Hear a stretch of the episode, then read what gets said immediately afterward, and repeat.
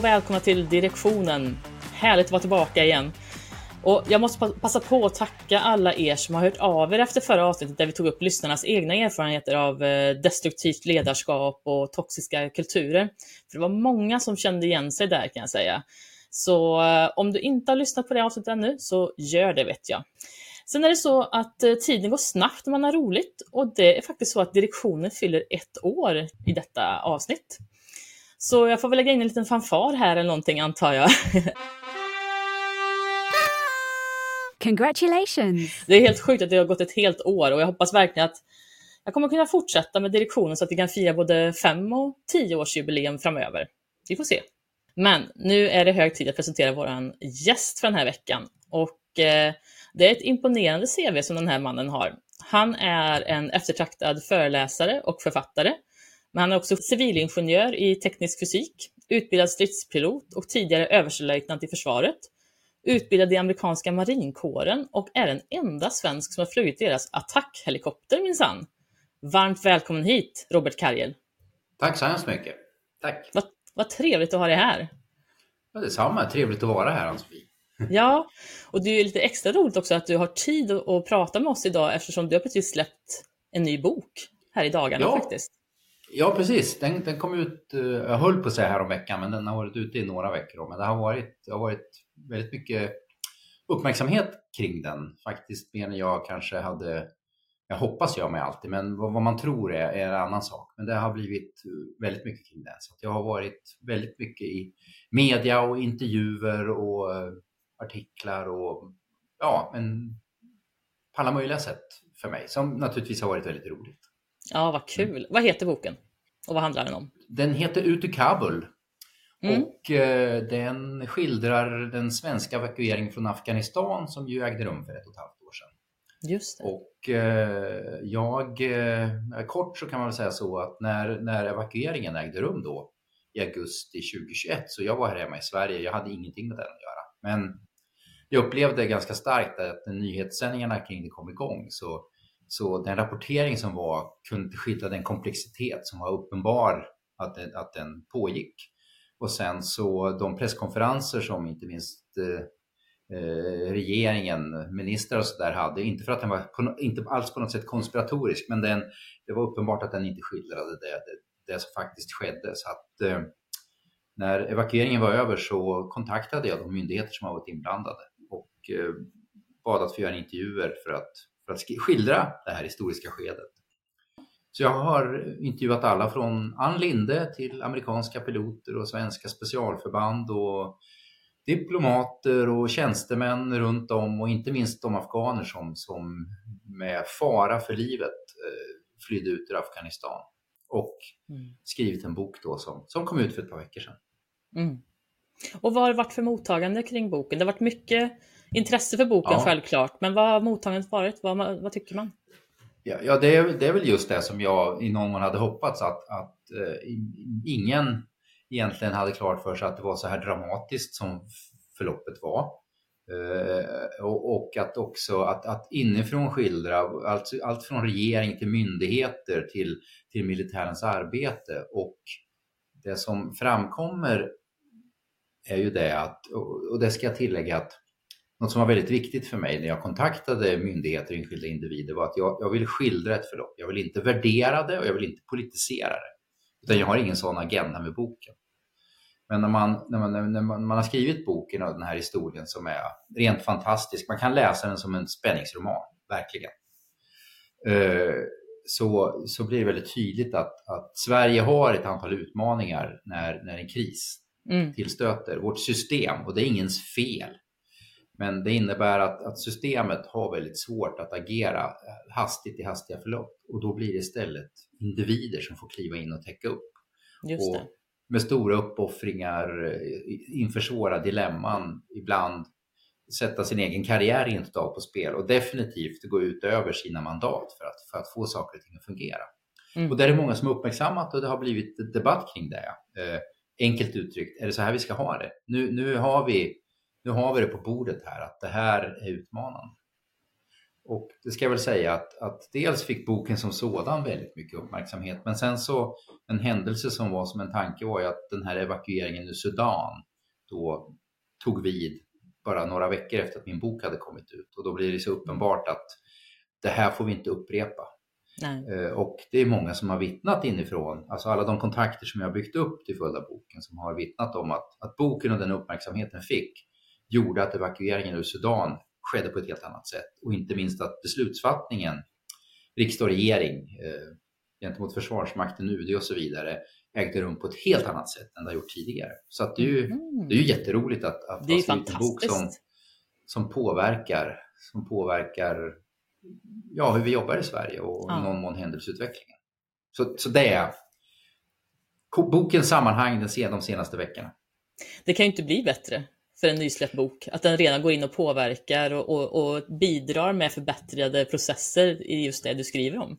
Det är fantastiskt. Nej, precis. Jag, jag, jag, jag är jätteglad och, och, det var ju det var kanske en förhoppning jag hade för att jag som jag har ju många år bakgrund i Försvarsmakten och många av de här sakerna som, som blir väldigt tydliga i boken är ju sånt som, som vi har brottats med under många år. Att, mm. att det otydliga mandat, att politikerna av olika skäl har svårt att uttrycka vad det är som ska åstadkommas och, och vilka risker vi får ta och så vidare. Och den här gången, om man nu tar Sudan, så var ju det extremt tydligt på ett sätt som det faktiskt aldrig har varit tidigare. Det var Nej. historiskt.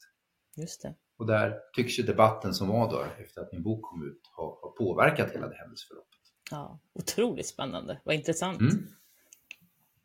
Ja, ja vad spännande. Mm. Ja, det förstår jag. Men kan du inte, vi ska ju prata mycket om det här med ledarskap och att leda i kritiska situationer och, och här, ta beslut i kritiska situationer, för det, är du, det har ju du en väldigt gedigen bakgrund inom. Men kan inte du berätta lite grann om bakgrunden inom Försvarsmakten? Ja, ja min bakgrund är att jag, när jag gick ut gymnasiet så, så skulle jag naturligtvis göra lumpen som alla andra pojkar eh, gjorde på 80-talet. Eh, men då gick jag direkt in i flygvapnet i ett program som, som gällde vad man kallar för flygingenjör i flygtjänst. Mm. Jag brukar kalla det alltså en stridspilot som har gått på KTH. Så att först fick jag läsa in en civilingenjörsexamen och sen så när den var klar och jag kunde visa upp lappen att här har jag en examen stämplad och klar, då började jag min, min flygutbildning. Och sen så flög jag flygplan några år i, i, i flygvapnet. Och sen på 90-talet så bytte jag från flygplan till helikoptrar och så började jag flyga helikoptrar för på den tiden så hade marinen hade sina egna helikoptrar och de behövde någon med min bakgrund, en, en pilot som också var civilingenjör. Så att med flygvapnets och marinens goda minne så bytte jag över till, till, till det som kallades för marinflyget på den tiden. Jag började flyga de här bananhelikoptrarna som en del känner igen dem som. Helikopter 4 över tå, de är med två stora rotorer. Just det. Och eh, där var jag med och Ja, i början, ja, vi jagade ubåtar, eller om det var minkar som vi jagade. Det råder ju fortfarande delade meningar om det där.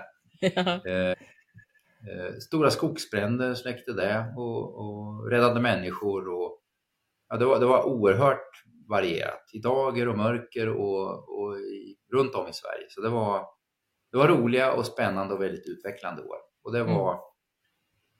liksom min väg in i det. Och sen har jag ju liksom haft någon egen, någon slags vad ska man kalla för karriär då, att gått från att vara pilot till att vara divisionschef till att sen eh, ja, vara förbandschef på insats och eh, sen senare har jag också varit projektledare för, för stora materielanskaffningar eh, mm. och sådär. Eh, kopplat till Black Hawk-helikoptrar och, och, Afghanistan. Och, eh, ja, det, det, blir ju en slags buljongtärning av de åren som jag, de här 25 åren som jag tillbringat i Försvarsmakten. Och sen mm sen 2015 faktiskt så är jag min egen. Jag bestämde mig för att, att jag känner mig lite färdig med det där. Jag, jag var jättenöjd på alla sätt och vis med det jag har fått göra, men jag, jag ville göra andra saker. Så att då, jag hade redan skrivit några böcker, jag hade hållit lite föredrag, men då, då bestämde jag mig för att göra det på, på heltid. Mm. För det intresserade mig att att skriva böcker och att, att, att påverka samhället i olika sammanhang genom, genom föredrag. Då. Så det, och det har jag gjort sedan dess och det har passat mig väldigt bra. Ja, och eh, jag vet ju också att du, du har varit med vid många olika typer av eh, operationer och som du berättar också olika typer av uppdrag. Så du var också med och jobbade vid Estonia-katastrofen, eller hur? Ja, Precis. Kan du berätta om den dagen? Vad var det som eh, hände dig från ditt, din synvinkel och vilka var dina arbetsuppgifter? Ja, då, då, då var det ju så att det, som, det här var ju 94 i september och eh, kvällen innan det vi väl visste var att det, det var ingen speciell kväll så, men vi visste att det skulle vara dåligt väder på Östersjön. Och mm. det hade väl sagts något ord om det eh, innan vi liksom skildes för dagen, att den beredskapsbesättning som var, liksom man är lite extra på tå när det, när det är ganska dåligt väder. Men sen så, så var det så att då på den tiden så bodde jag, jag bodde i en lägenhet i Sundbyberg eh, och eh, ja, jag gick och la mig utan någon speciell tanke. Jag ingick inte i någon beredskapsbesättning eller så. Utan det var bara en vanlig kväll för mig hemma. Men sen eh, strax efter midnatt så, så ringde telefonen och då var det en röst som sa att Estonia har sjunkit, vi behöver alla. Och, och då från alla håll så körde vi in till Berga, vi som jobbade där. Och sen under 48 timmar så eh, jobbade vi alla i ett kokande helvete som i grunden har påverkat mig som människa. Eh, mm. Det var ett gäng som åkte in till jobbet på den där insatsen och det var en helt annan uppsättning människor som åkte därifrån 48 timmar senare. Mm. Eh, det jag i huvudsak gjorde var att jag tillsammans med en annan pilot eh, ledde det som kallas för, för flygplaneringen. Vi var så att säga ledningsfunktionen på Berg Helikopter som, som höll i alla trådarna kring, kring eh, det som som skedde då med att ta emot helikoptrar, förbereda besättningar, se till att det rullades ut nya helikoptrar. Sen var det också så att de här helikoptrarna som kom in från, från havet, de kom in i, vad ska man kalla det för, olika skick. Alltså en del var ju, en del var ju fulla med skadade och döda och det, det är ju liksom en slags hantering som, som kräver sitt. Andra återvände helt tomma för deras ytberg hade hade slitits av vajern och var kvar någonstans ute i havet och, och besättningen visste inte ens om kollegorna levde längre. Ja. Och det var, en, det, var en, det var en ström av väldigt starka intryck som man Alltså i den, i den där miljön så blir det ju så att man bara betraktar, man reflekterar inte. Man har egentligen inte så himla mycket känslor. Nej. Utan det är, det är bara intryck på intryck. Uh, en, en väldigt stark upplevelse var en, en stund inne på den här flygtrafikledningen, det var, eller flygplaneringen, där det var så att de helikopter som kom in, de ytbärgare som hade varit ute, de var ju slutkörda om de ens mm. kom tillbaka. Så att eh, då fick besättningen liksom ta en kaffe, tanka helikoptern och sen så radade vi upp nya yt, ytbärgare, liksom fräscha, två och två för att det skulle vara två i varje helikopter. Mm. Och då när de här liksom matade iväg två och två så var det med en väldigt stark känsla av att de här kanske man aldrig får se igen. Jag visste inte att om ens kollegor skulle, skulle överleva. Så var det verkligen. Och, och de visste det också. Det fanns i blicken att, att det här är kanske det sista vi gör. Eh, mm. Och det var en väldigt speciell upplevelse. Ja, det förstår jag verkligen. Um, och sen, ja det finns mycket att säga. Det som är Alltså i de inledande timmarna, i och med att man är mitt i ett skeende, så man förstår inte och reflekterar inte över det. Det är som nu när vi pratar om det så här, mm. håller på att säga mer än ett kvartssekel senare. Eh, det är snart 30 år sedan. Ja, Då ser vi ju på det som en historisk händelse. Någonting mm. som vi i någon mån har en bild av att det gick till så här, det hände så här, det var så här omfattande, det var så här många döda. Men när man är mitt i det där, i inledningen, så har man inte en uppfattning om att man är i någonting historiskt som är oerhört omfattande utan man är, man är, man är i det lilla man ser, det som är här och nu. Mm. Utan det var egentligen först många timmar senare, någonstans liksom på dagen efter de händelserna hade varit som, som det fanns någon slags tid för reflektion och insikt över vad, vad var det hade, som hade skett. Att det var så här omfattande. Mm. Jag tror att jag vid något tillfälle räknade till om det var 12 helikoptrar som var ute i området och, och, och jobbade med att hitta, att hitta eh, ja, skadade och, och döda och ja, överlevande. Men det måste vara väldigt svårt när man kommer in sådär, som sagt, i en kris, man är ju alltid oförberedd på en kris, så, eh, oftast i alla fall. Och ja. eh, man kommer in, som säger, ni har många enheter ute, eh, ni vet inte riktigt vad det är som gäller, det var väldigt dåligt väder då också. Ja. väldigt dåliga förutsättningar. Eh, hur börjar man sortera i allt det här? Eh, bland annat information man får in. Vad är viktigt? Vad är mindre viktigt? Vad, vad behöver vi lägga vikt vid och vad behöver vi eh, avvakta ja. med? Hur, hur tänker man där i en sån situation? Alltså, nå någonting som blir väldigt viktigt om man liksom ska analysera en sån här situation, det är ju just det att man har Dels att man har övat och att man har även om det är en kris så har man uppfattningar om att, att det här behöver ske på olika nivåer. Att det är några som behöver jobba med det som är, som, det, som jag brukar säga, som är det absolut nödvändiga, som är det centrala. Mm. Att, att, att få ut helikoptrar med besättningar och att de har de bästa förutsättningarna de kan få. Och, det kan ju, och, och, på samma sätt när de kommer tillbaka, att det, finns en, att det kommer en ambulans som möter om det finns skadade eller att de leds till ett sjukhus. Mm. Att man tar emot besättningarna. Och det, det, är ju, det är ju liksom det lilla, men sen så behöver det liksom finnas i flera nivåer då. att Okej, okay, har vi helikoptrar att byta med? Vad är läget i verkstaden? Eh, kan vi börja ta in personal så att vi kan ha personalrotation så folk kan mm. sova? Mm. För det är väldigt lätt att om man inte har förberett det, då blir det liksom ett, ett, en kucken, ett, ett kaos av allting. Det är mm. smått och stort som i någon mån, allt är ju viktigt. Men det behöver ju ske parallellt och så vidare. Och det. och det. kan man bara få, man är medveten om det och har övat sådana här saker. Att man, ja, vi behöver etablera det här och det här. Ni mm. jobbar med det, ni jobbar med det. Men sen, um, sen är det ju också det att, att, att man ställs inför, varje kris har liksom sina beslut och man ställs inför för utmaningar som man inte har kunnat föreställa sig, även om man övar och så mm. vidare. Mm. Mm.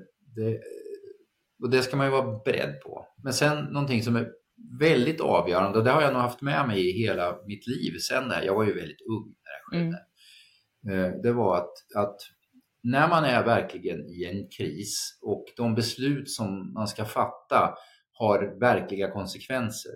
Och det behöver inte vara liv och död. Det kan vara en annan sammanhang där det handlar om ett företag som huruvida vi gör så här eller så här är vår överlevnad. Vi vet inte om vi kommer ha ett jobb om två veckor om, vi, om det här går fel eller, eller en politisk, politisk karriär eller vad det nu är. En, en kris som verkligen är reell.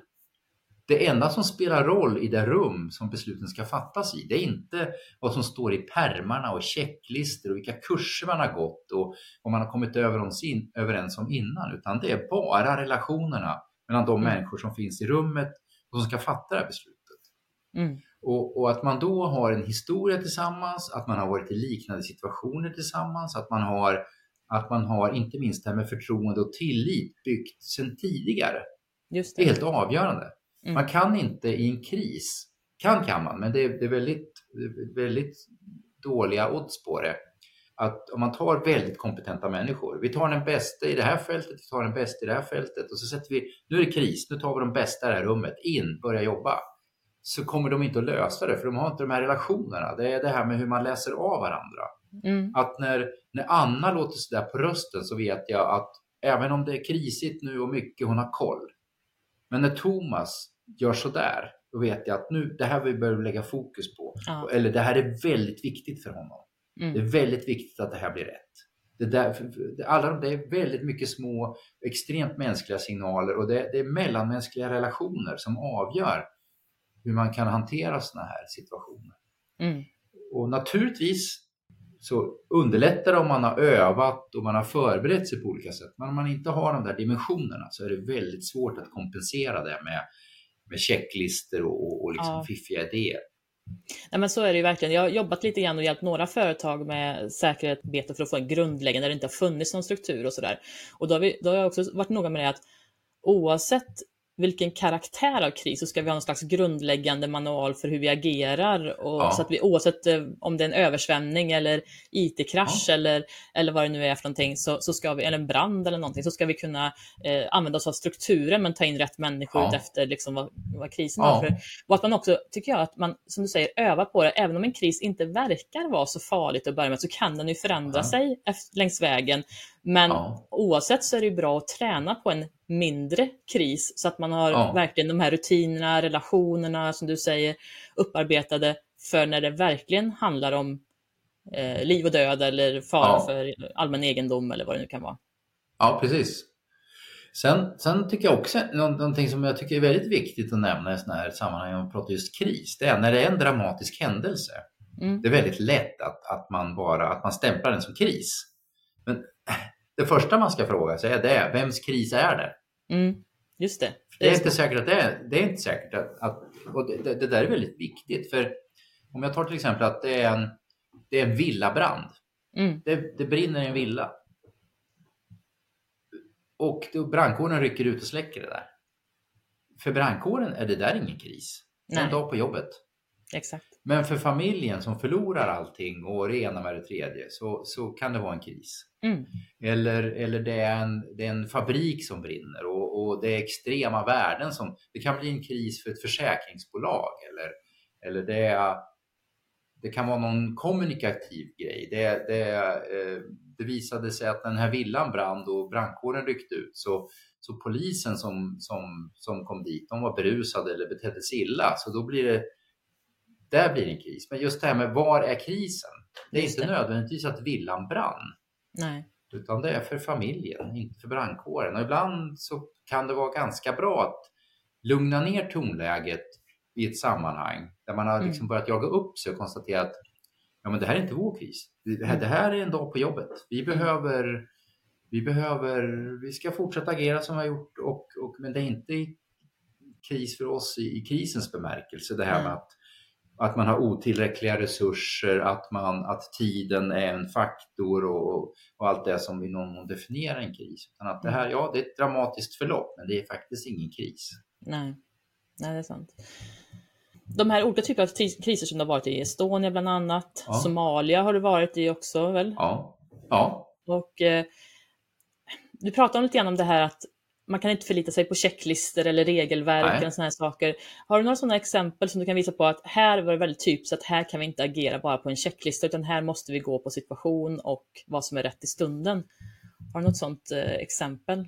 Ja, det, det, det kan det, det, det jag kan säga är det, det, här att till exempel när vi förberedde oss för att åka till Somalia. Min helikopterdivision fick kort om tid på sig att förbereda oss för att åka till Somalia. Vi skulle jaga pirater från fartyg. Mm.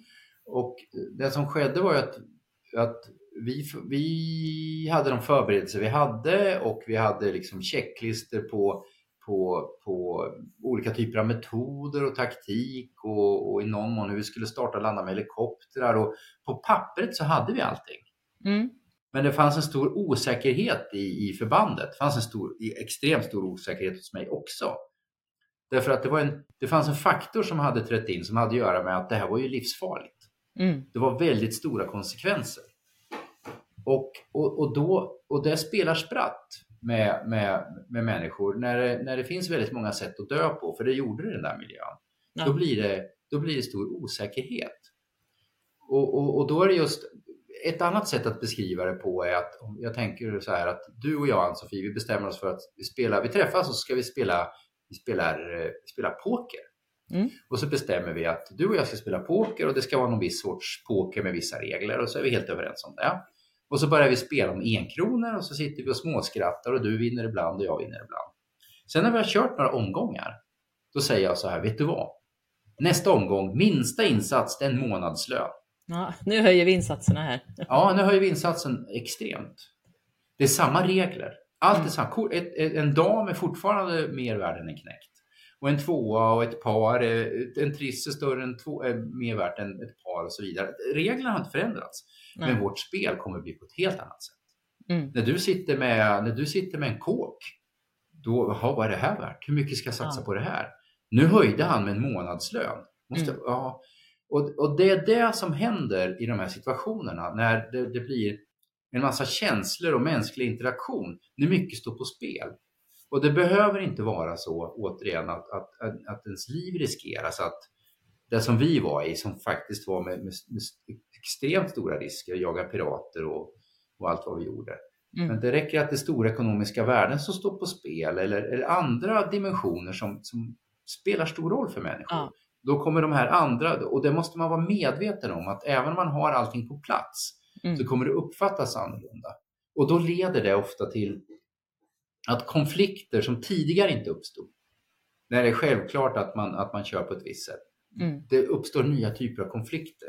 Ja. Och då ska man vara medveten om att det har att göra med, med rädslan och osäkerheten och, och de, potentiella konflikt, eller de kom, potentiella konsekvenserna Mm. som kan bli. Så att det, är, det är generellt liksom en erfarenhet jag har av att ha varit i det där. Mm. Det är ju så med, med aktier och allting också. Ja. det, du kanske går frångår din strategi som du haft hela tiden, för helt plötsligt börjar det handla om andra summor och, och Ja, då helt precis. plötsligt så börjar det Ja. spöka lite grann. Eller, eller eh, ja, jag förstår precis. Ja precis, och det, det är exakt om man, om man säger åt någon så här. Ja, jag, tänkte, jag, tänkte, jag tänkte investera 1000 kronor på börsmarknaden. Mm. Hur, ska jag, hur ska jag tänka? Och då i någon mån så borde ju svaret man får bli ungefär samma som man säger så här. Jag tänkte investera allt jag äger och har. Ja. Ja, hur ska jag då? Ja, Ja. ja, men nu börjar det bli potentiella konsekvenser och då börjar man tänka på ett annat sätt. Mm. Och så, och så är det med de här situationerna. Att Så är det ju. Mm.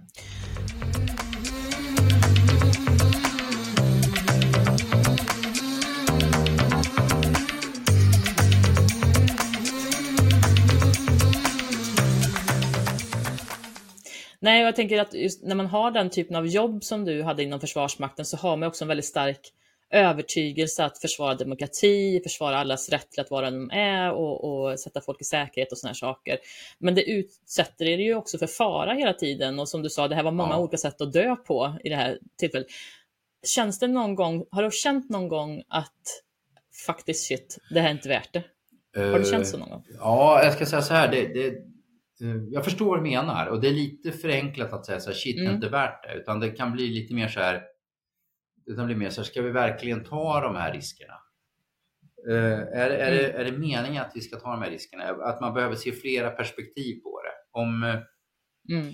om vi gör det här nu och tar den här risken så kan det vara så att om det här inte går som det är tänkt då kan vi inte göra det där som är ännu viktigare imorgon.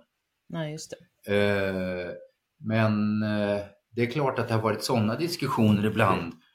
Eh, eh, Det vet jag själv, något räddningsuppdrag i riktigt svårt väder Mm. där man måste ha en diskussion inom besättningen. Nu är det så dåligt väder så att det är, fi- det är faktiskt inte en... Liksom, det här är definitivt inte riskfritt och det kan vara så Nej. att vi, nu är det några som behöver vår hjälp men vi riskerar oss själva. Mm. Risken är att, att, att, att det går åt liksom, helvete för, för Mm. alla Att ingen kommer hem istället. Mm. Att ingen kommer hem. Eh, och det är, det är jättesvårt. Ja, det Och, måste vara det, svårt. och där finns det, det finns inget facit på utan det är från Nej. situation till, till situation. Men, men man, vill ju, man vill ju gärna försöka. Och det är ju också en mentalitet som man växer upp med. Mm. Alltså när man är i ett sånt där system, när man är i en sån där verksamhet. Och det finns ju också en förväntan från samhället att, att eh, ja, jag menar, om en person går ut och lägger sig i, i Östersjön så här i mitten på maj, eh, ute i vattnet med bara badbyxor eller, eller bikini och så frågar man den personen om, hur, om, om du skulle hamna mitt ute i havet nu, om hur länge tycker du det är rimligt att räddningshelikoptern startar? Mm. Och då kommer ju svaret vara ja, nyss. Ja, precis. Eh, så att det finns ju en förvänt, inbyggd förväntan om att man verkligen försöker i den sortens situationer. Så att det, Mm. eh, Ja, och du, du måste ju ha sett också många, jag menar, vi är ju många, det finns ju många olika typer av människor som även jobbar inom eh, försvarsmakt och, och räddningstjänst och Ja. sådana här saker också. Eh, och sjukvård när det blir sådana här kriser. Hur reagerar människor, skulle du säga, i en krissituation som du har mött på? Finns det lite olika typer av eh, grupper? Eh, några som är Ja. jättehetsiga, vill ut direkt. Nu, nu går vi ut och kör, vi måste hjälpa dem Ja. och inte kanske tänker så mycket först. Eller finns det de som, som börjar titta och slå i regelverket? Vad finns det för olika typer Ja. av eh, grupper som du har sett? Jag jag tror att precis det du nämner, och det är, det är ju nästan liksom klichéartade beteenden det här med att, man, att folk fryser. Det Mm. finns andra som man egentligen aldrig haft någon speciellt hög tanke om som, som plötsligt visar sig vara de som liksom räddar saves the day och så vidare. Mm. Eh, eh, återigen, om man är en organisation som har vana av att vara i den här typen av situationer tar en, en helikopterdivision som har hållit på med räddningsverksamhet och så vidare, då, då händer en massa saker omedelbart och man har sina rutiner och sina roller. Så att det där rullar på ganska standardmässigt i någon mån. Mm. Men om man, hamn, om man är i en situation där en grupp människor hamnar i en helt ny typ av kris, mm. då blir det ju, då är det ju, tror jag, väldigt mycket den kultur som man befinner sig i. Mm. En typ av reaktion och det kan nog mer vara kanske inte personlighetstyp så mycket som, som typ av verksamhet eller vilken myndighet det är eller vilken del av myndigheten det är som, som så att säga ställer sig frågan, är det här vår uppgift? Varför ska vi göra det här? Vad står det i permen? Står det att mm. vi ska göra det här? Mm. Uh, och sen så kan det vara några andra som, som precis som du säger, så, men det, vi, nu kör vi bara. Det, vi måste ju försöka. Och så är det att risken är att man väldigt hastigt gör någonting som egentligen är ganska dåligt så att det blir ett mm. dåligt försök och sen så bränner man sina resurser på någonting som, som man med lite mer eftertanke kunde ha fått ut mycket mer av. Och det där är ju en jättesvår avvägning mellan att hur, mycket, hur eftertänksam ska man vara? Hur mycket ska man bläddra i sina permar och förbereda sig? Mm. Kontra hur mycket ska man kasta sig ut? Men, men alla de där personlighetstyperna och kulturtyperna finns ju i, i, i en kris. Och, och, och jag kopplade den här boken jag skrivit i och med att jag suttit med det där i ett och ett halvt år. Det är väldigt tydligt att den här evakueringen i Kabul drar igång och ja, det som händer är ju att talibanerna tar över mycket snabbare än Kabul faller på bara några timmar och det är ingen som är förberedd på det. Nej. Och då hemma i Sverige på de olika myndigheterna, Försvarsmakten, Utrikesdepartementet, Migrationsverket, så är ju just de här reaktionerna, de där reaktionerna finns. Det är några som börjar bläddra i permar och fråga sig, är det här verkligen vår uppgift? Är det här vårt problem? Mm. Medan andra är att ja, oavsett om det är det så kommer det att bli det. Och om, ju, ju, ju, tidigare vi förbereder oss och desto mer vi förbereder oss så, så kommer vi ha igen det när det här så småningom blir vår uppgift. Så det där är väldigt tydligt att, att alla de där komponenterna komponenterna finns. Mm. Ja, och jag tänker också att det är viktigt att man i efterhand också går igenom ja. den krissituationen och analyserar också och ser hur kan mm. vi undvika den här eller förbättra och skruva på och göra det bättre ja. nästa gång något sånt här händer.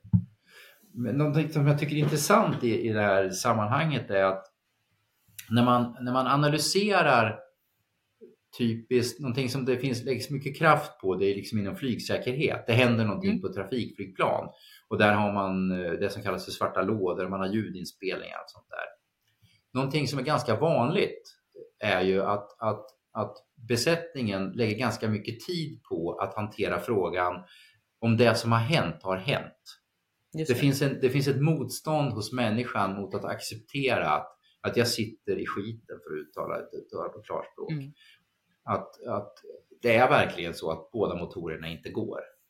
Eh, och att, att, just den tid som man lägger på att det kan ju vara så att varningssystemet, det, ibland kan det ju vara svårtolkad information. Men mm. ibland är det situationer där det upp, varningssystemet talar om precis vad det är som händer. Det står uttryckligen. Mm. Men det finns ett sånt motstånd hos människan att acceptera att jag sitter i en jättesvår situation. Att man har det som har hänt verkligen hänt? Och det är ju på samma sätt i högre strukturer, i organisationer och myndigheter och sådär, att man, det finns en motstånd mot att acceptera att det som har hänt har hänt. För att om mm. det som har hänt har hänt, då kommer vi behöva göra en massa saker som är jobbiga, oklara, ja. svåra konsekvenser.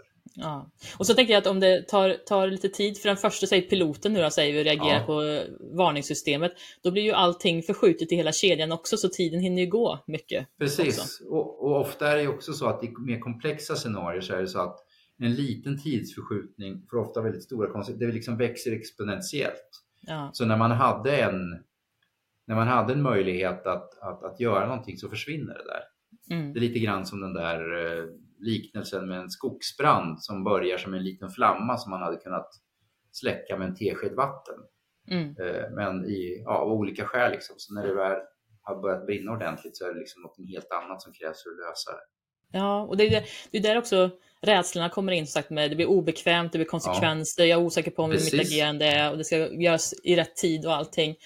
Eh, hur bemästrar man sina känslor och tankar för att kunna ta så bra beslut som möjligt, skulle du säga? Ja, det är återigen, dels att man, att man övar och utbildar sig för det. Mm. Dels att man är en miljö som, som där man stöter på den här typen av situationer. Men sen, eh, ja det är det här med att, att ha ett varmt hjärta och kall hjärna så ja. mycket som möjligt i olika situationer. Um, ja, jag tror att det är väldigt bra att, att på olika sätt ha klart för sig vad är min roll? Mm. Och den här, den här organisationen jag tillhör, oavsett om det är Försvarsmakten eller ett företag eller en IT-startup eller vad sjutton det är. Mm. Så vilka värden, vilka är de yttersta värdena? Vad är det vi måste skydda till, till varje pris? Mm. Är, det, är, det, är, det, är det människors liv eller är det den här produkten eller att, att, man, att man inte börjar springa på allt utan att man liksom, vänta, vad är de, vad är de väsentliga värdena? Mm. Och den typen av diskussioner kan man gott ha i lugn och ro. En, en dag som idag, som om du och mm. jag satt och jobbade i något sammanhang, eh, om vi hade ett företag ihop eller vad det nu är. Att ha den här diskussionen om vad, vad, är, vad är riktigt viktigt för oss? Vad är det vi behöver vara mm. rädda om? Ja, men det är det här och det här. Det, här, det är den här idén. Eller, eller det kan ju vara sådana enkla saker som att ja, men vi har det finns en massa information, det finns ett antal dokument här som är jätteviktiga för oss. Ja, men då kanske vi ska ha både hard copies och sparat det i två olika medier så att om, om, eh, om min drive slutar funka eller datorn skär eller vad det nu är så, så finns det där ändå. Mm. Till att, att man i olika typer av scenarier när det, liksom blir, när det handlar om fysiska risker eller vad är, ja, men det är det här vi behöver rädda, det är det här skåpet eller mm. Det, det den där typen av resonemang gör att det blir enklare att, att när man hamnar i en kris, man har klart för sig. Vad, vad är det viktigaste? Ja. Och det kan ju vara en stor liksom... verksamhet också med många ja. olika affärsområden där några affärsområden är mer kritiska, alltså kan vi ta in resurser från andra affärsområden ifall ja. det skulle behövas eller vad det nu kan Precis, vara. och det är exakt det, är det där liksom, vad kan vi, vad kan vi dra ner på tomgångsvärde mm. eller släcka ner för att rädda någonting annat? Mm. Det är lite grann att ha den här diskussionen liksom, du är ditt hem. Mm. Du har en minut på dig. Du får bara ta med dig det ut som du kan bära och du har en minut på dig. Ja, vad tar man då? Ja, uh, gud, vad skulle jag välja där av alla mina loppis och auktionsfynd? Det är ju omöjligt nästan. ja, precis. är, det, är, det, är, det, är det fotoalbumen från när man var liten eller är det passet eller är det, ja. eller är det senaste räkningshögen man inte har betalat? Den lämnar vi kvar. Ja, precis. nej, men den där, ja, den, nej, den, där, den, där, typen av resonemang i vid bemärkelse. Mm. Um. Mm. Ja, men precis. Um, jag tänkte, vad, vad, har varit dina största lärdomar om dig själv under alla de här åren och alla situationer som du varit med om? Vad har du lärt dig om dig själv? Uh, jag har lärt mig om mig själv att, att, att, man, har, att man, har, man har bra och man har dåliga sidor. Och det har alla. Mm. och de bra sidorna, de är bra att vara medveten om. De dåliga är ännu viktigare att man är medveten om. Mm. Eh, man kommer ingenstans utan att vara omgiven av, av bra människor. Eh, och, och, det spelar ingen roll vad man jobbar med. Ens om det är en sån enkel sak som att skriva en bok så, så, så bygger det på att man har bra folk omkring sig. Mm. Och det är dåligt att ta ut människor som är lik en själv alltid.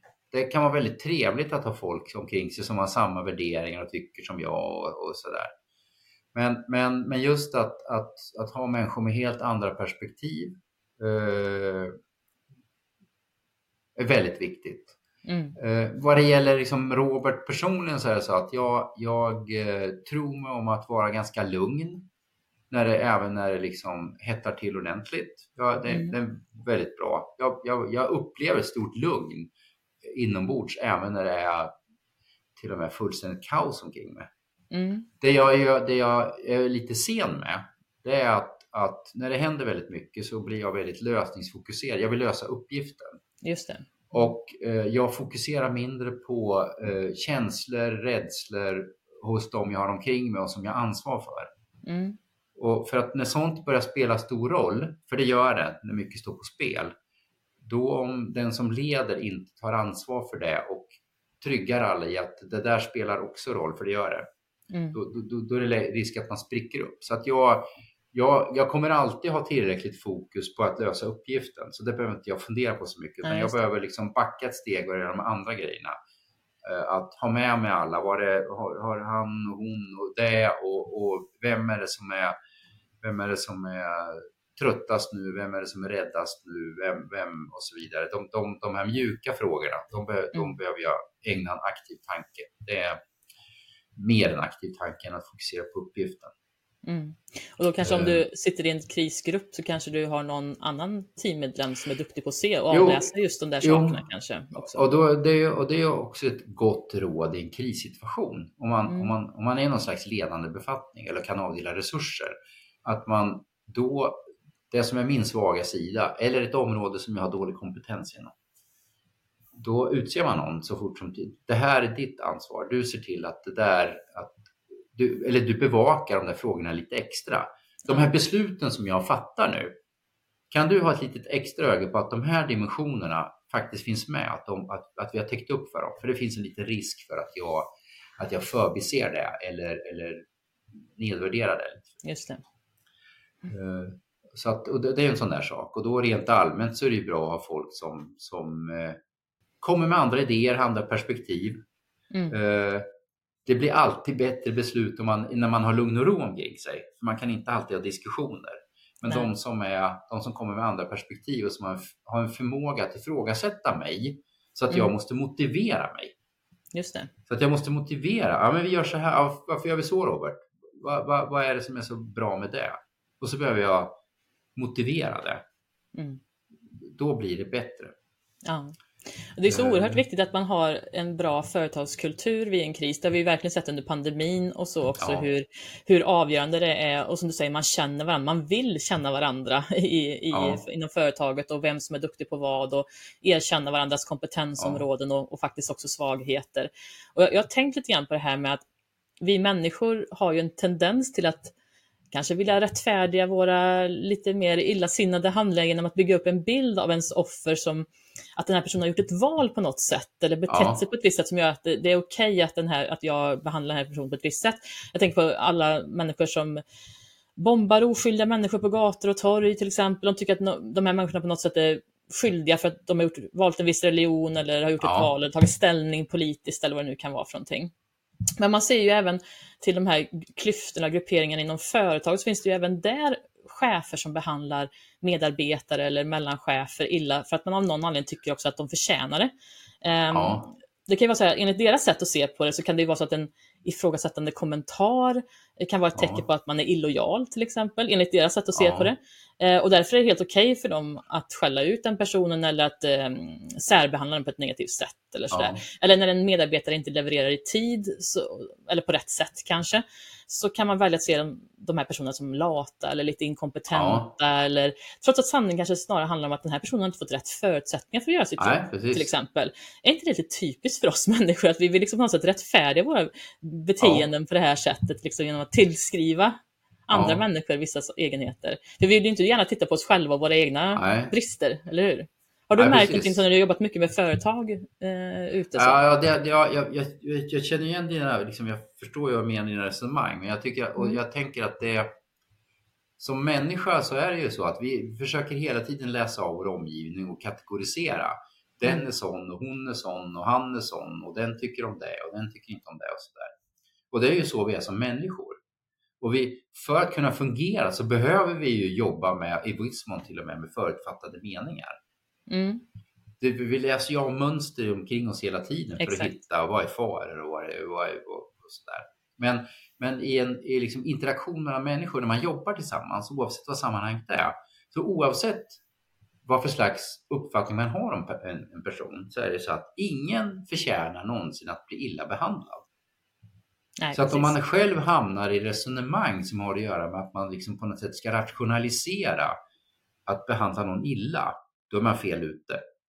Det kan, det kan vara så här att den där personen är lat, eh, det faktiskt är så, eller inkompetent eller vad det nu är så. Men, men svaret på problemet som det orsakar är ju inte att behandla den illa, utan Nej. det är ju att den här uppgiften är någon annan som ska ha eller den behöver ett mer stöd eller det ska vara några andra förutsättningar eller vi ska inte göra det här för i vår grupp så har vi inte den här kompetensen eller vi ska sätta, vi ska sätta nivån för vad som är ett bra resultat behöver vi sänka i det här fallet. Mm. För, för när man går till det här att rationalisera och sen att behandla någon illa, det, det kommer inget gott ur det.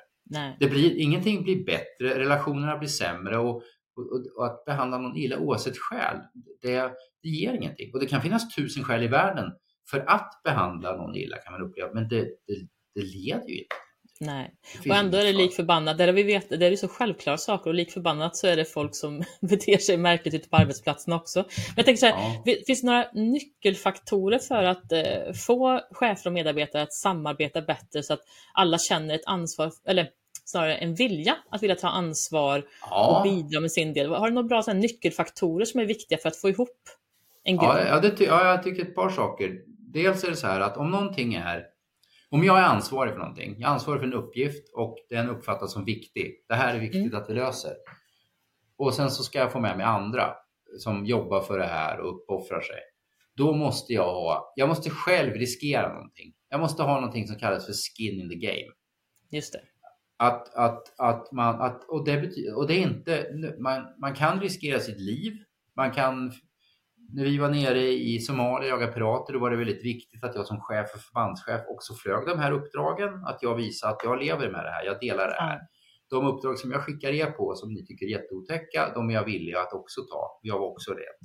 Mm. Eh, Så måste man göra. Men sen, det behöver inte vara ett riskerat. Det, det, och det kan också vara att man har liksom något, eh, man har eh, ekonomiskt så riskerar man någonting. Mm. Så att man visar. Men det är också just det här bara att, att det är viktigt för mig. Att jag signalerar att det är viktigt för mig. Det innebär en förlust om jag inte lyckas med det här. I någon mån en slags prestige. Nu har vi den här uppgiften. Vi behöver lösa den och för mig så är det viktigt. Det är någonting som går förlorat om det här inte går bra. Snarare än, här har jag fått en uppgift. Ja, det vore väl bra om den löstes till på måndag, men ja, whatever. Då kommer man inte alls få med sig folk på det där sättet. Man kan inte få någon som är villig att riskera någonting Nej. eller prioritera det högre än någonting annat. Så man måste alltid vara, liksom, ha skin in the game. Och när man själv går ut med att ha det, då kommer andra vara villiga att ha det och, på samma, och då det där sprider sig som ringar på vattnet. Och tvärtom då när man inte har det. Det är en sån sak. En annan sak som jag tycker är svår, det är att om man är i en utmanande situation så är det så att i, en grupp människor så kommer det vara, det kommer vara några som kastar ankare. De vill inte göra det här. Och det kan vara så att de är passiva. Mm. Men sen så kan det vara just att jag säger att de kastar ankare, de arbetar emot det här. Ja, just det. Och sen så finns det några som är hästar och drar, liksom, som jobbar före. Och de här som drar och jobbar en massa, de brukar vara ganska tysta. De gör inte så mycket väsen av sig. De här som kastar ankare gör väldigt mycket väsen av sig. Och som chef är det jättelätt att man lägger 90% av sin kapacitet på de här som kastar ankare. Just det. När det i själva verket borde vara så att de man fokuserar på är de här som drar. Mm. Och att det är de som får resurser, uppmuntran, stöd. Och att de här som kastar ankare, naturligtvis, det kan bero på en massa saker, rädsla, osäkerhet, men när man har medvetande gjort dem på att är du medveten om att, att det du gör nu är direkt kontraproduktivt. Det här är inte okej. Snälla sluta. Om de inte gör det, då bör, om, det är en, om det är viktiga saker man håller på med, då bör man se till att de inte har något ankare att kasta. Man behöver, man behöver ja, alltså neutralisera, förstår vad jag menar? Ja, jag förstår. Mm. De ska inte ha något ankare att kasta. Och Nej. det där är jättesvårt att göra. Mm. Och det är lite osvenskt skulle jag vilja säga. Men, men när, när, när viktiga saker, när saker står på spel, då kan man inte ha folk som kastar ankare. Och man kan inte som chef lägga 90% av sin kapacitet på Nej. det, vilket är väldigt lätt. Utan det är de här Nej. som drar.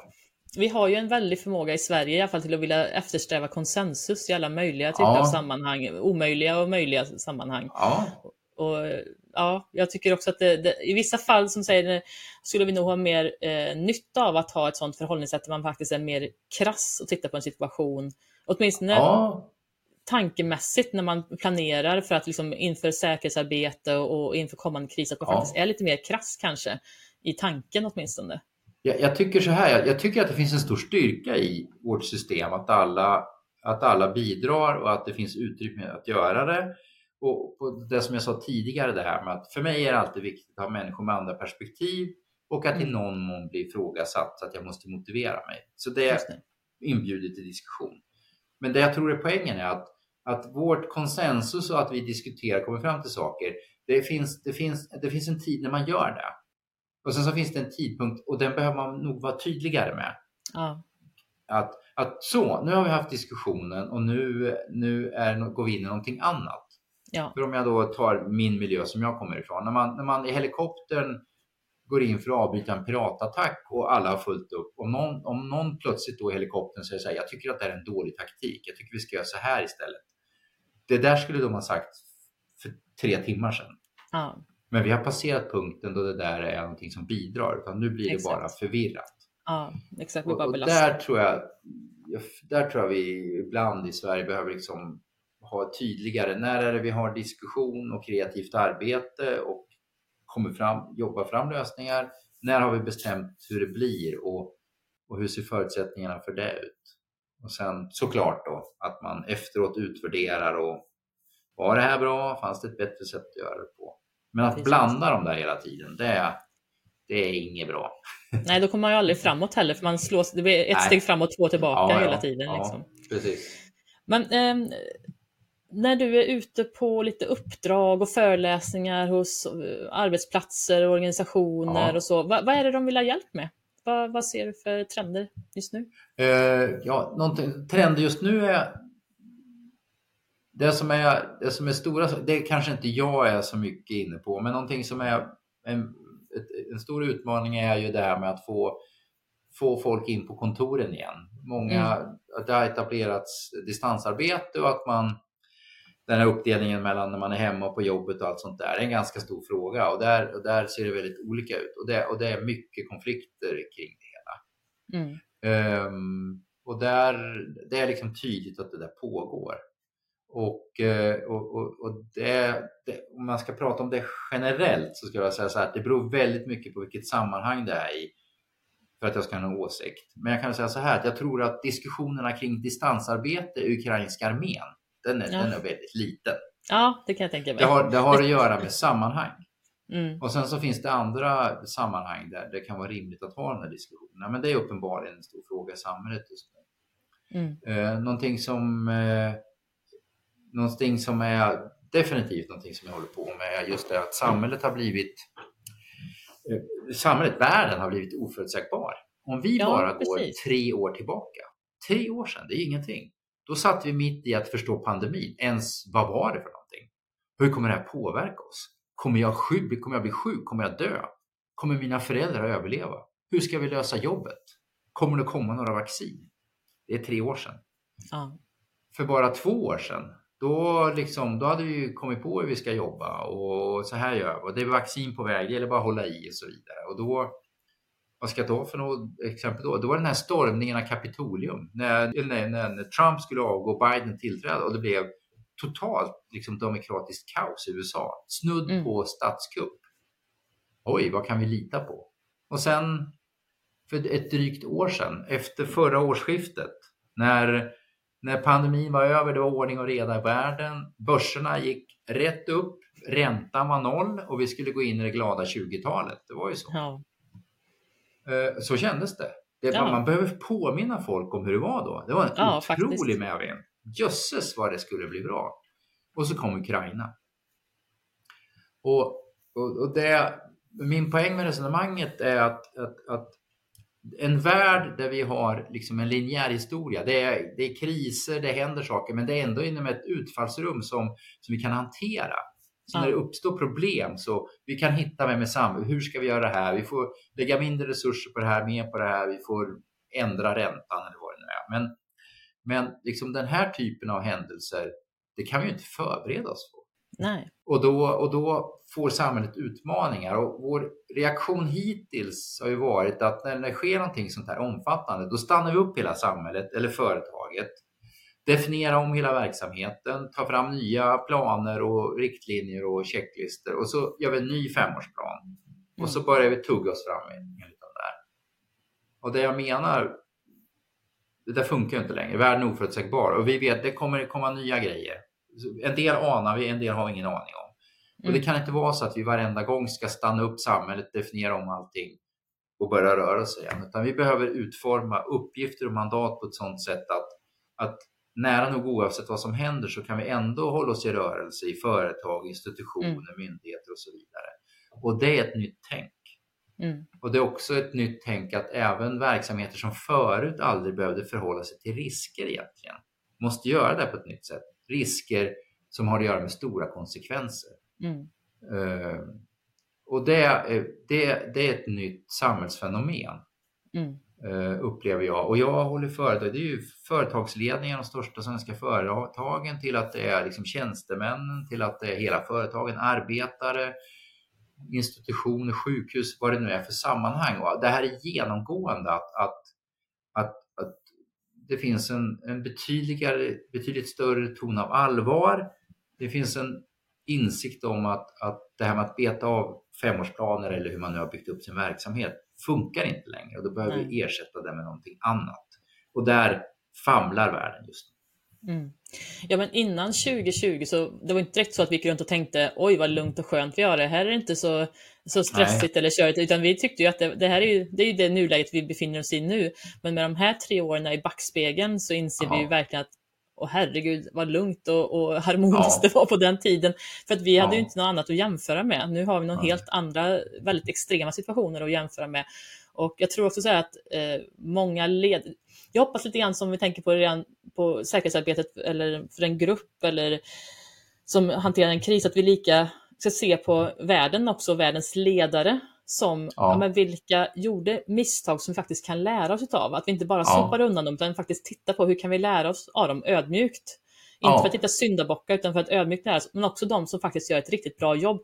Hur kan vi lära oss mer om de faktorerna som faktiskt ja. gör skillnad till att ett företag överlever eh, de här kriserna eller eh, utmanande situationerna.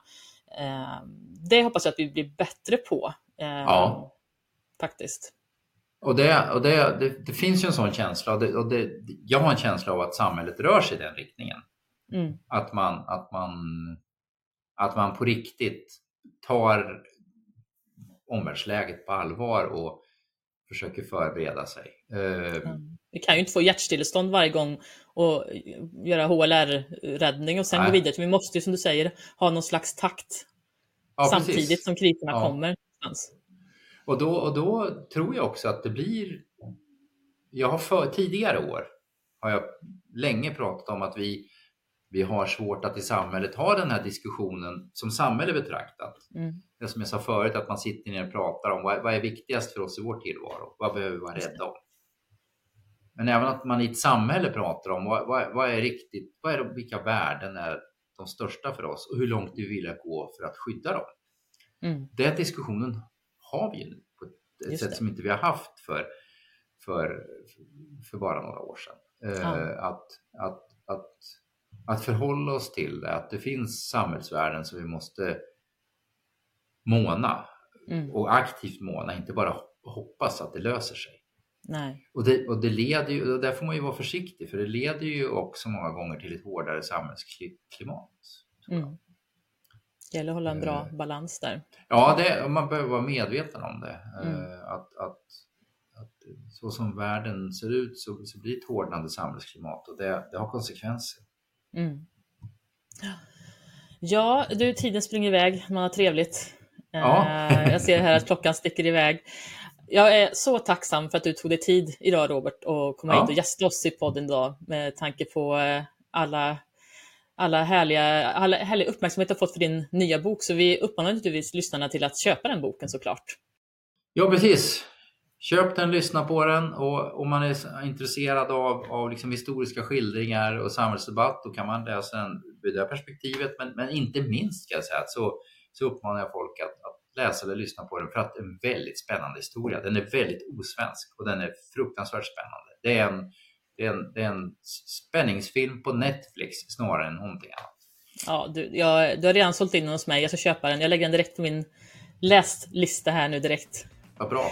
Mm. Och tack också till er lyssnare som följer varje avsnitt av Direktionen. Gå gärna in och ge oss betyg eh, på Spotify och Podcaster, för det hjälper ju andra som vill lära sig mer om ledarskap och verkligheten ute på arbetsplatserna. Så att de hittar till Direktionen och kan lyssna dem också. Så eh, med det sagt, lev gott, lev väl och vi hörs igen om två veckor. Ha det fint! Hejdå!